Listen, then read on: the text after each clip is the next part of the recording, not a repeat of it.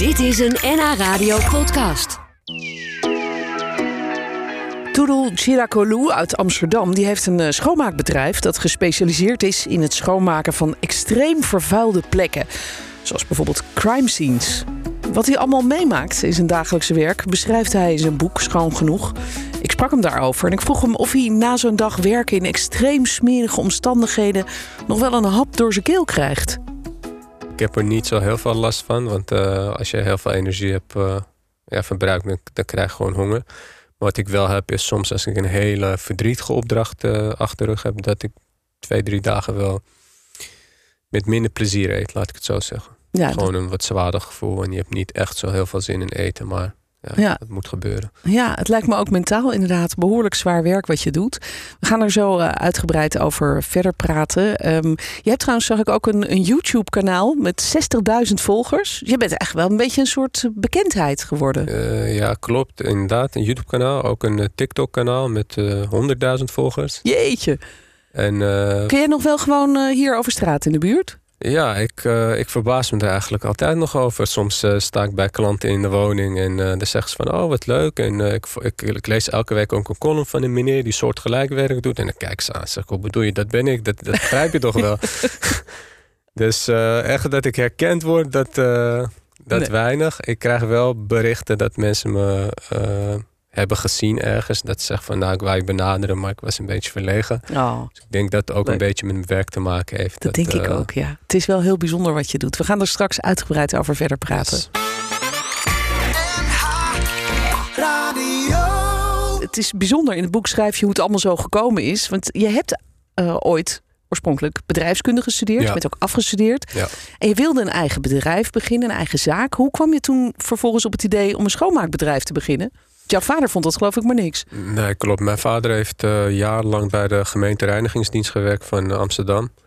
Dus uh, dat zijn zoon ook uh, ja, vuil zou gaan oprapen en schoonmaken. Dat zag hij niet echt zitten, want dat was niet zijn bedoeling, denk ik. Nee. Om ons al die jaren op te voeden en aan het, ja, zo zijn best te doen. Ja, en je studie af te maken. Ja, exact. en het was ook niet mijn idee. Ik had ook geen ambitie om iets met de schoonmaak te doen. Het was ook een compleet onbekende wereld voor mij.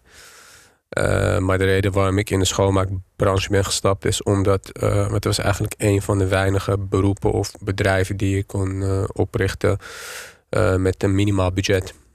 En dat was eigenlijk de grootste en de beslissende factor waarom ik hiervoor ben gegaan. Ja, want je had eigenlijk alleen even wat schoonmaakspullen nodig en ontbijtspullen. Want dat is wel grappig. Je begon met een uh, bedrijf, de Frisse Kater heet het dus. Waarbij je ging schoonmaken naar feestjes. En dan nam je ook een ontbijtje mee. Ja, daar is de naam inderdaad uh, mee ontstaan. Dus uh, ik bracht letterlijk Frisse Kater. Ik kwam opruimen na een, na een feest of evenement. Uh, in combinatie met een vers ontbijt. Dan had ik een klein tostiapparaat en uh, had ik die boterham al uh, thuis bereikt. En dan, dan dat, dat bereidde ik dan daar op locatie. Ja, dus terwijl je aan de ene kant de peuken uit de bank aan het vissen was... de lege flessen aan het weghalen... Ja, stond er ja. lekker een tostietje te pruttelen. Ja, exact, en, exact. Dus dat sloeg heel erg aan, vooral bij, het, bij studenten. Uh, die vonden het geweldig en die geven ook de meeste feesten, denk ik. dus uh, dat, dat ging aardig. Uh, alleen ja, het was toch niet wat ik ervan had verwacht. Nee. Het was extreem vies werk. Uh, en dat is op zich niet erg, want dat doe ik nog steeds. Maar het was tegelijkertijd ook heel ondankbaar. Ja? Waren ja. ze niet heel blij met die tosti? En dat je ja. alle troep kwam opruimen? Ja, ze waren blij, maar tegelijkertijd had je gaf ze je wel het gevoel van, nou, je bent, uh, je bent gewoon maar een stomme schoonmaker. En, uh, ah, ja. Ja, dus zij, je beschrijft ook in het boek dat ze soms gewoon daar op de bank lagen en bij wijze van spreken even hun benen optilden als je er langs ja, moest. Ja, gewoon en, dat ze in een onderbroek op de bank een biertje zaten te drinken en voetbal kijken en dat jij ernaast staat. En ja, je wordt, je wordt gewoon niet vernederd met woorden, maar gewoon puur door het gedrag wat ze vertonen, word je op alle manieren die er maar mogelijk zijn, word je vernederd. En vooral wanneer je ja, ja, gewoon respectloos, ja, eigenlijk wordt er met je, komt daar ook met de intentie om, om hun echt te helpen en iets moois voor hun te doen en iets leuks. En, weet je, en dan behandelen ze je zo. Ja. is gewoon... ja, je vroeg ook heel weinig. Nee, je vroeg ook heel weinig geld, las ik in het boek. Dus je Klopt, verdiende ja. er ook nog niet ja, veel ja, mee. klopt. In het begin eh waar zaten er echt opdrachten tussen dat ik voor 4, 5 euro per uur werkte. Nou, daar eh, kan je nog net een boterham mee kopen, denk ik. Dus Nee, nee, nee. Later Ja. ging je ook nog eh, schoonmaken op bungalowparken waar speciale feesten werden gehouden. Ik had er nog nooit van gehoord. ja, ja. Een soort, nou het klonk bijna als een soort orgies die ze daar hadden. Ja, dat, daar, komt, daar, daar komt wel in de buurt van. ja. Ja, dat waren inderdaad. eh, eh, dan huurden ze zo'n heel bungalowpark af. eh, voor een weekend bijvoorbeeld. En dan eh, in iedere bungalow werden dan eh, hele heftige feesten georganiseerd. Er kwam echt professionele DJ-apparatuur. Kwamen ook professionele DJ's in sommige bungalows. eh, drank, drugs. Nou, je kan het zo gek niet bedenken. Eh, radiatoren werden van de muren afgetrokken. De toiletpotten werden kapot getrapt. eh, eh, ik vond eh, van die tuinstoelen met allemaal duct tape eromheen... waar mensen aan werden vastgebonden. Eh, ja, hele, hele bizarre dingen. Wat een extreme wereld kwam jij in terecht. Ja, ik, ik had geen idee dat het zo heftig was. En waar ik me heel erg over verbaasde... Kijk, ik wist wel dat er op die feesten natuurlijk veel wordt gedronken. Maar, maar dat er zoveel drugs wordt gebruikt... daar stond ik... ja, daar had ik gewoon geen weet van. Nee. Echt, in sommige woningen haalde ik gewoon 50, 60, 70 van die, van die eh, kleine envelopjes met van coke haalde ik eruit. Ik dacht van ja, wat, wat, wat is dit voor huisfeest? Jeetje, niet normaal. Ja, dat is toch iets heel anders dan gewoon een verjaardagsfeestje waar, eh, waar wat te veel bier is gedronken. En dit liep echt gewoon totaal ja, uit de hand. het, was echt wel van een ander kaliber. En zelfs dat ik soms mensen in de hoek van de kamer zag creperen met eh, schuim dat uit hun mond kwam en aan het trillen. En, en dat je dan vraagt aan die mensen van ja, gaat het wel met, met haar of met hem? Moeten we geen ambulance bellen? Ah nee joh, nee joh, geen probleem. Dat eh, gebeurt wel vaker. Eh, Echt bizarre situaties. Bizar. Wat extreem. Dan ver- verandert je wereldbeeld wel even, denk ik. Als je dat allemaal ziet. Eh, ja, je wereldbeeld verandert, dat sowieso. Maar ook, ehm, dit zijn wel de toekomstige ja, politici Advocaten. of advocaten of leiders van ons land of wat dan ook. Want eh, er zaten ook echt wel mensen tussen bij wie ik heb opgeruimd... die echt wel uit eh, prominente families kwamen. En, eh, dat is, laat ze echt wel serieuze namen tussen, laat ik het zo zeggen. Ja, die heb je allemaal je- niet opgeschreven in het nee, boek nee, trouwens. nee, ik want je bedoel geen namen, alles is anoniem. Ja. Alles is anoniem. Maar dan denk je wel bij jezelf van ja, als, als, als, als dit de mensen zijn die ons land eh, leiden of gaan leiden, dan uh, ja, nou, maak je borst maar nat. Dat, uh, Schokkend. Ja. Ongelooflijk. Ja. Maar dat schrijf ik ook in een boek bijvoorbeeld. Mensen die aan de, aan de ontbijttafel in hun villa-woning uh, op een zondagavond zitten met, met pa en ma. En gewoon een lijntje kook aan het snuiven zijn. Echt? En, dat, dat, en die dat ouders ik, kijken niet op of om? Nou, ik was, die, die, bij die specifieke opdracht was ik zodanig in shock dat ik nog aan de moeder vroeg van mevrouw, is dit normaal? Toen zei ze, wat bedoel je? Ik zeg, hij zit voor je te snuiven aan de ontbijttafel. Ah ja, geen probleem joh, hij heeft een feestje gehad. Dat, uh, dat moet toch kunnen een keertje. Ja, Alsof het een kopje koffie is. Alsof zo'n boterham met uh, hagelslag naar binnen werkt, bij wijze van, ja, bizar. Ja, ja, echt bizarre dingen heb je meegemaakt. Je, je schrijft er heel beeldend over in het boek. Um, daarna werd het eigenlijk nog bizarder. Maar dat, dat is een keuze die je op een gegeven moment gemaakt hebt. Van ik wil dit eigenlijk niet meer. Ik ga een andere richting op. Want tegenwoordig ben je dus, uh, uh, maak je extreem vervuilde plekken schoon. Bijvoorbeeld ja. crime scenes. Ja waar iemand vermoord is. Of uh, bijvoorbeeld plekken waar iemand is overleden die daar weken gelegen heeft. Hoe ontstond het idee in jouw hoofd? Ik denk bij mezelf, ik zou het liefst nooit op zo'n plek komen. Maar hoe ja. ontstond bij jou het idee van ja, ja, dit ga ik, hier ga ik mij in spe specialiseren? Dat had ermee te maken dat toen ik begon met het schoonmaken naar huisfeesten, dat ging op zich wel aardig in het begin. Maar ik zag al snel van nou, hier kan ik niet een mooi pensioen mee opbouwen. Dit, dit gaat gewoon, dit gaat hem niet worden. Dus toen ging ik al snel andere diensten toevoegen. Uh, schoonmaak van horecazaken, uh, kantoren, uh, stoomreiniging, auto's reinigen. Diverse dingen ging ik mee experimenteren. Maar het was het allemaal net niet. En het was gewoon te moeilijk om daar goed geld mee te verdienen. Um, toen, na twee jaar, werden de feesten op een gegeven moment ook zo heftig... dat ze bijvoorbeeld een ontgroening hadden georganiseerd... waar gewoon mensen helemaal aan gorten werden geslagen... Uh, bloed op de muren, uh, uh, koorts, pis, noem het maar op. En ook steeds vaker kwam het voor dat ik dacht van... hier is helemaal geen huisfeest geweest, hier hebben ze iets gedaan. En dan bellen ze mij met het excuus van... oh, we hebben een feestje gehad en kom jij dat maar even opruimen voor een prikkie. Maar iedere keer kon ik het maar niet bewijzen. Ja, ja, ja. Ik had wel een heel sterk vermoeden, maar ik had het bewijs niet. Totdat ik op een uh, ochtend aan het opruimen was in Amsterdam. En ik zag allemaal rode vlekken in de keuken. En gelijk weer kreeg ik dat gevoel van... ja, Toro, er klopt hier iets niet. Dit is geen ketchup, dit is geen chili saus, dit is iets anders. Maar ik kan het niet bewijzen.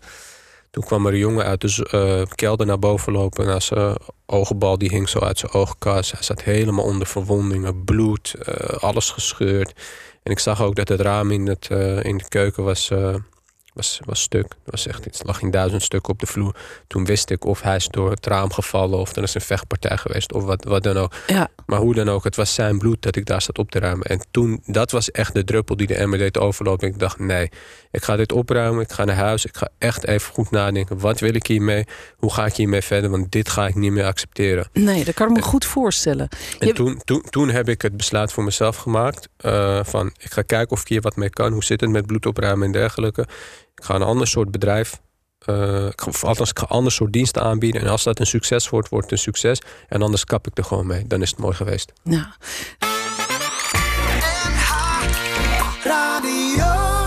Die extreem vervuilde locaties hè, waar, je, waar jij dan komt, dat, dat kunnen dus crime scenes zijn of uh, vervuilde woningen vol duiven, poep of een plek waar inderdaad wekenlang een lichaam heeft gelegen. Hoe was dat de eerste keer dat je, dat je op zo'n plek naar binnen ging? Heel intens. Ja, ik zal dat nooit meer vergeten. Uh, je, bent heel bang. Want uh, bang om iets op te lopen, bang dat er iets verkeerd gaat.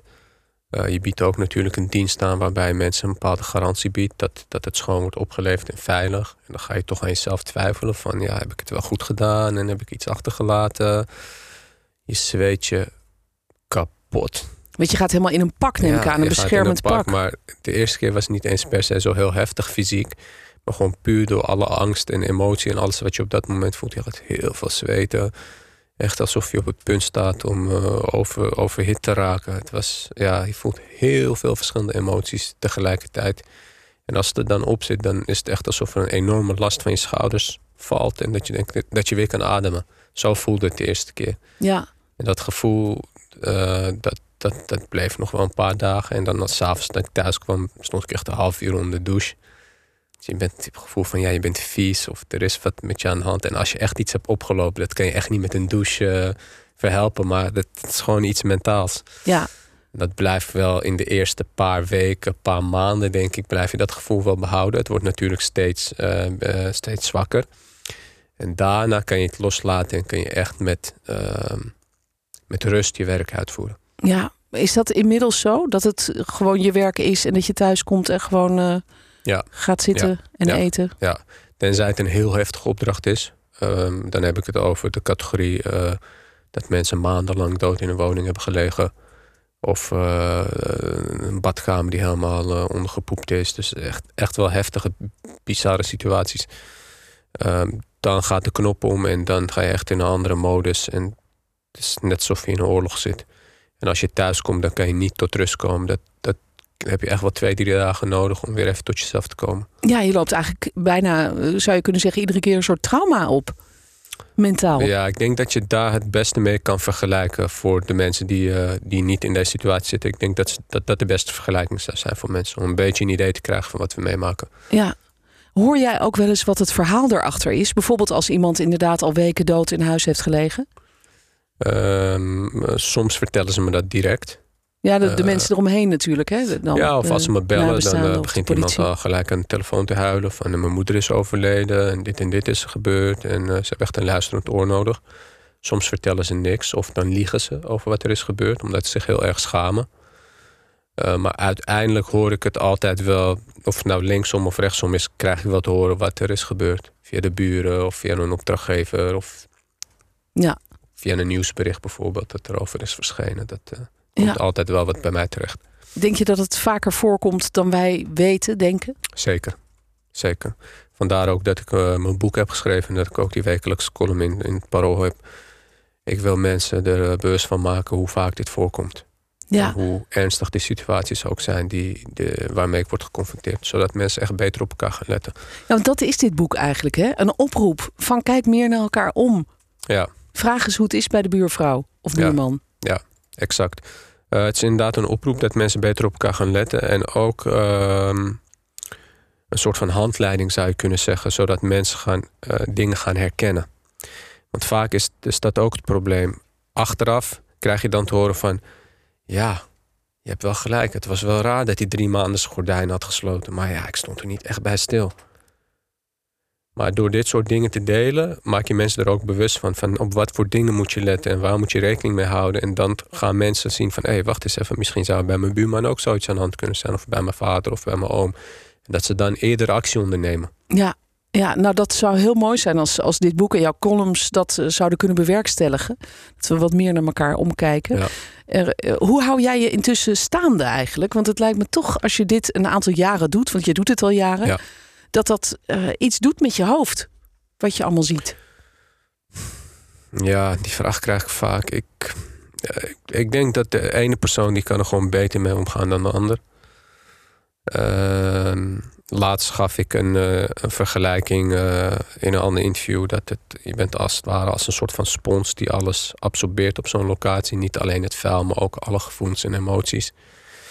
En het is belangrijk dat je eens in de zoveel tijd die spons ook goed kan uitknijpen. En hoe doe jij dat? Uh, verschillende manieren. Ik, uh, ik heb thuis tuinier ik bijvoorbeeld, vind ik heel fijn. Ja. Uh, ik sport, uh, ik ga regelmatig met mijn vrouw naar buiten, verwandelen, andere dingen doen. Uh, schrijven vind ik heel fijn om het van me af te schrijven. Dus ik heb verschillende manieren om met verschillende dingen die ik zie om te gaan. En gewoon die rust in mezelf en in mijn hoofd te bewaren. Ja. Mooi. Binnenkort komt er ook een tweede deel van die documentaire serie over jou. Nieuw deel. Ja. Uh, die gaat van start op 6 april. Kunnen we allemaal kijken naar, naar wat je meemaakt en, en wat dat met jou doet. Op NPO 3 is die dan te zien. Ja, en intussen hebben we natuurlijk ook nog jouw uh, heel bijzondere boek. Waarin je ons allemaal oproept om wat meer naar elkaar om te kijken. En dat boek heet Schoon Genoeg. En uh, ik dank je dat je hier was. Ik wens je heel veel succes en sterkte met alles wat je doet. Dankjewel. Dit was een NH Radio podcast. Voor meer, ga naar nhradio.nl NH Radio